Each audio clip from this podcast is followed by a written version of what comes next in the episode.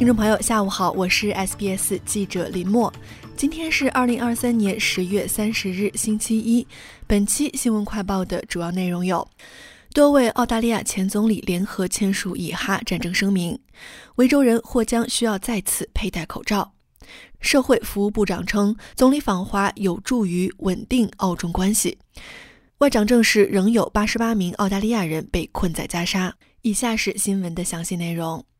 除保罗·基廷外，所有在世的澳大利亚前总理共同签署了一份关于以色列与哈马斯战争的声明。声明谴责哈马斯于十月七日对以色列发动的袭击，呼吁无条件释放被哈马斯劫持的人质，并为巴勒斯坦人提供持续的人道主义援助。霍华德、陆克文、吉拉德、艾伯特、特恩布尔和莫里森共同签署了这一声明。声明还赞同两国解决方案作为以色列和巴勒斯坦人民之间长期持久和平的基础。上周日，基廷称，澳大利亚以色列和犹太人事务委员会现任主席莱布勒曾与他联系，建议他签署联合声明，但基廷表示绝不在这一声明上签字。维多利亚州代理首席卫生官建议墨尔本人再次考虑戴上口罩，因为 COVID-19 病毒的社区传播正在激增。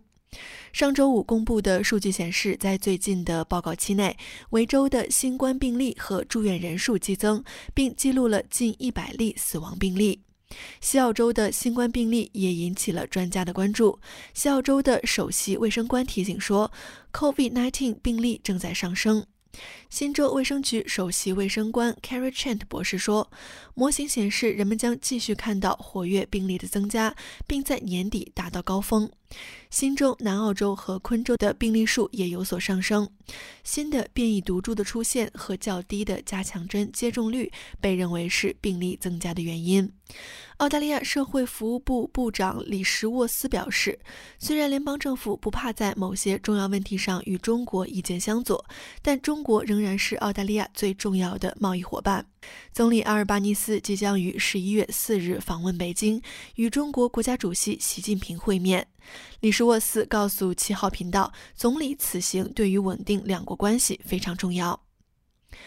澳大利亚外交部长黄英贤证实。目前仍有八十八名澳大利亚人及其家人，包括签证持有者，被困在加沙。黄英贤称，由于通往埃及的拉法边境口岸仍然关闭，政府无法营救他们。黄英贤告诉澳大利亚广播公司 ABC 电台，政府担心该地区的澳大利亚人和平民的安全，尤其是那些不愿意离开的人。澳航 Qantas 指责澳大利亚竞争与消费者委员会 ACCC 决定起诉澳航出售数千张已取消航班的机票是无视航空业的现实。此前，澳大利亚竞争与消费者委员会主席戈特利布表示，他希望澳航面临至少2.5亿澳元的罚款，这是目前最高罚金记录的两倍。ACCC 提出了这一历史性的法律诉讼，指控澳航在宣传和销售2022年5月至7月期间8000多个航班的机票时存在虚假、误导或欺骗行为，而这些机票在澳航的系统中已经被取消。但航空公司声称，此案忽略了一个基本现实，也忽略了航空公司销售机票时的一个关键条件。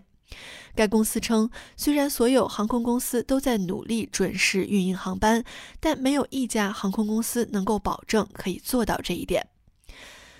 好了，以上就是今天的 SBS 新闻快报，感谢您的收听。您可以在任何播客平台搜索“新闻快报”，点击订阅，开启消息提醒，即可了解澳大利亚国内外新闻及社区信息。